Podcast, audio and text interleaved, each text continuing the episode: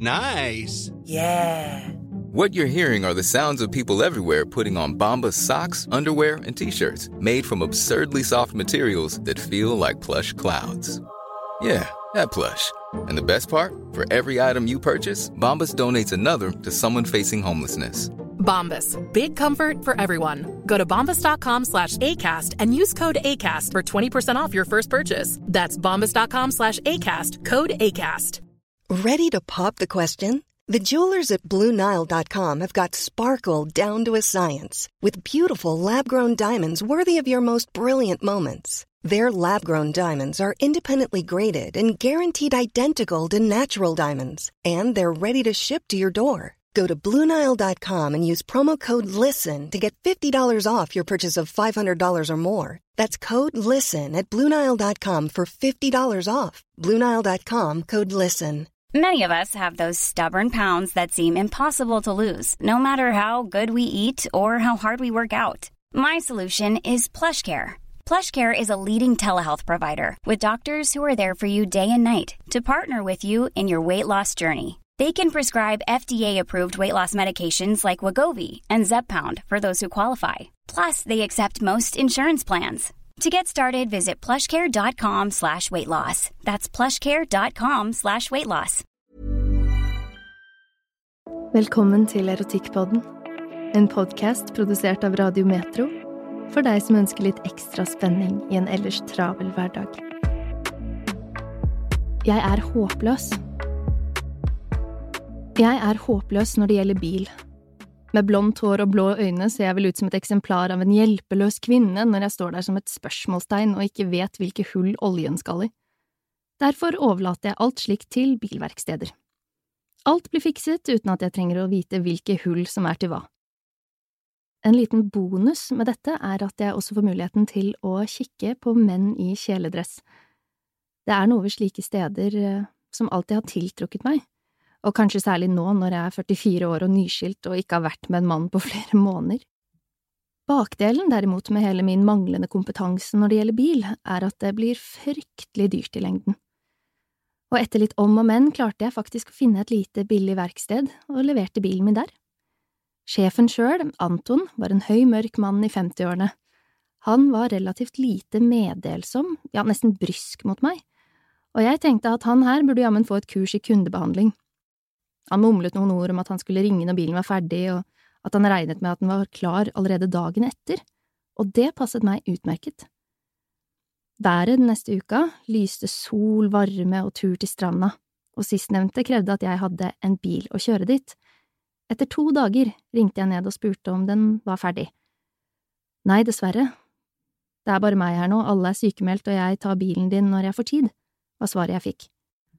Og så klasket han nærmest på røret. Enda to dager gikk, og helgen var i anmarsj, og tålmodigheten min var på bristepunktet. Det kan da vel ikke ta så lang tid, tenkte jeg.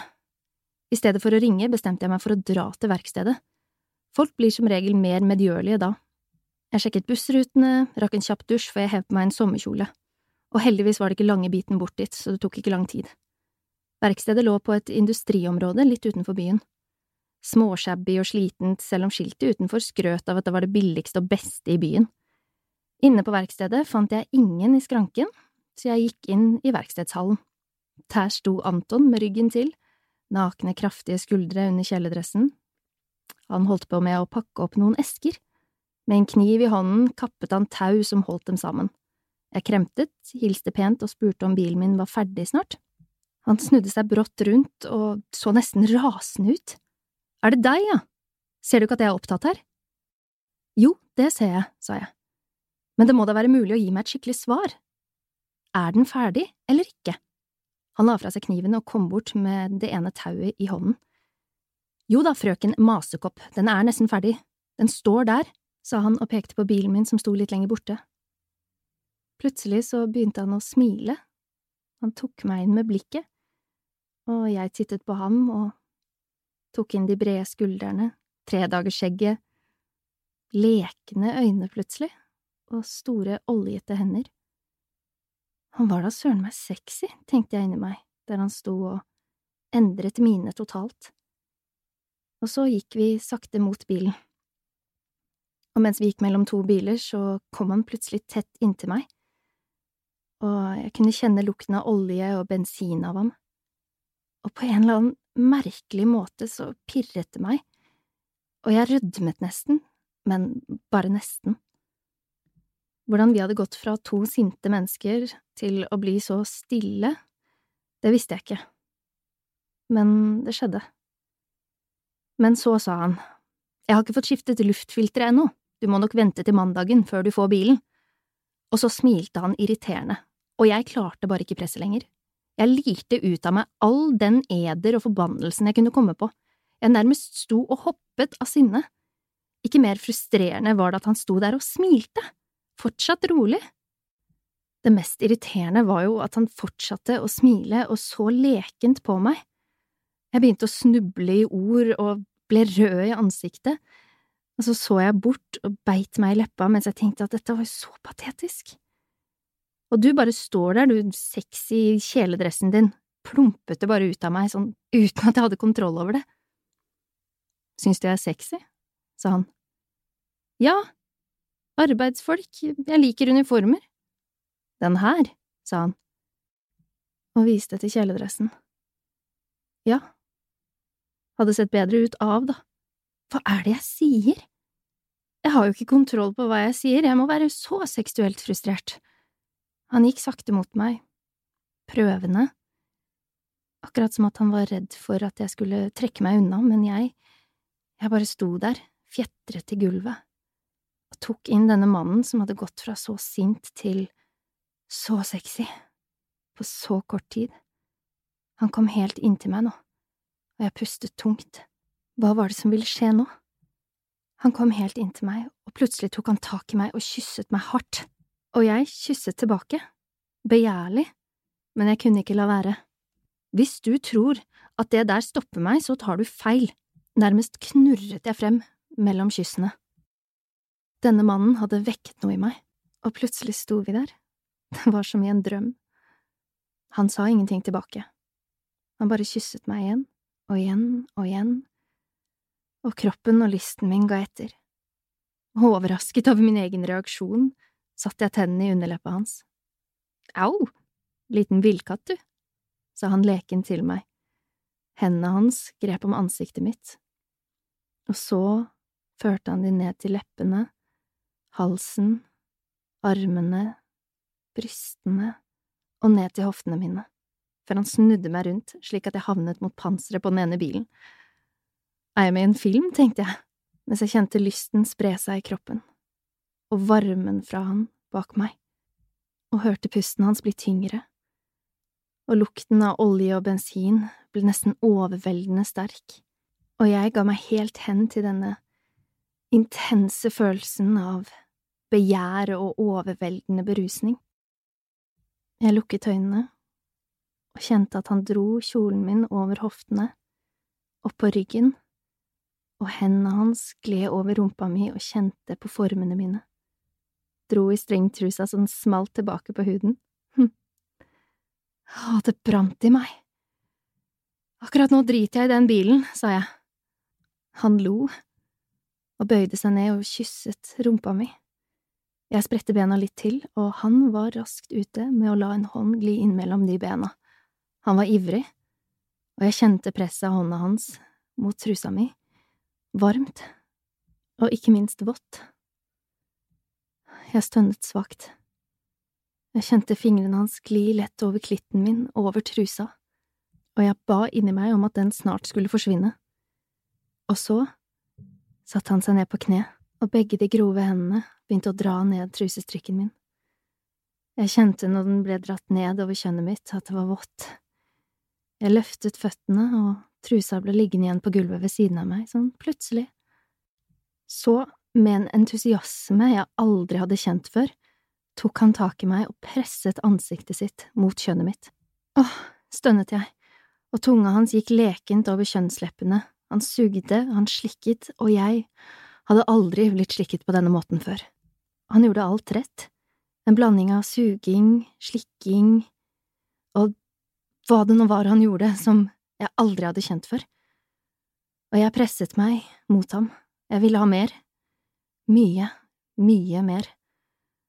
Tungespissen gled over klitten min igjen og igjen i sirkelbevegelser som gjorde meg helt gal.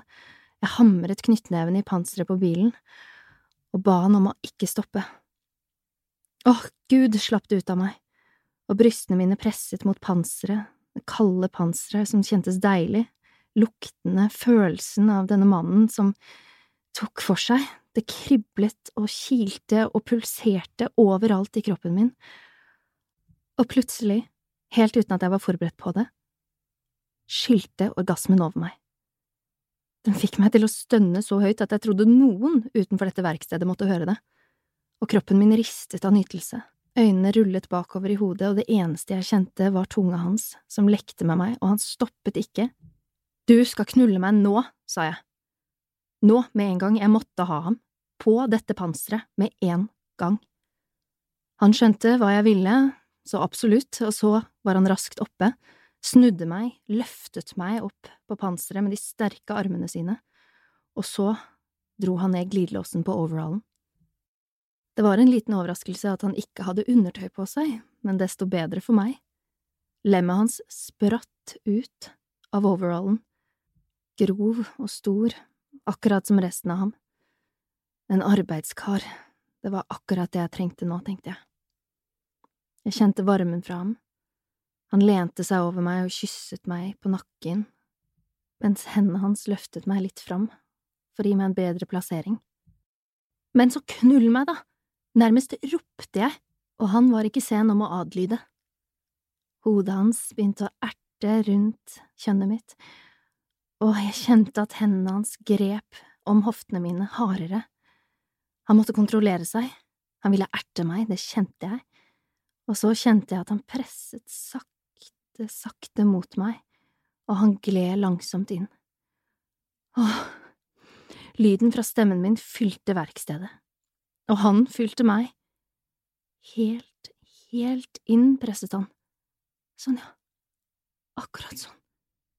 Og det føltes ut som jeg skulle eksplodere av nytelse.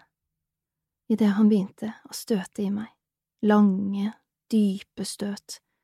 Og så fant vi rytmen, fant hverandre, og han begynte å kysse meg på halsen, og jeg grep tak i håret hans idet han presset mot meg, sakte, men sikkert.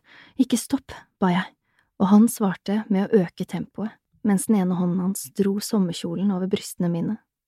Jeg hadde ikke tatt på meg bh den dagen, og det passet jo ypperlig. Han stirret begjærlig på meg, mens begge hendene hans tok tak i hvert sitt bryst, mens han fortsatte å støte inni meg. Vi stønnet i takt mens svettedråpene fant veien nedover haka hans og ned på brystet mitt. Bena mine begynte å skjelve, men jeg hadde ikke hjerne til å tenke noe annet enn at jeg bare ville ha ham hardere fortere og mer, til evig tid, og jeg nærmet meg.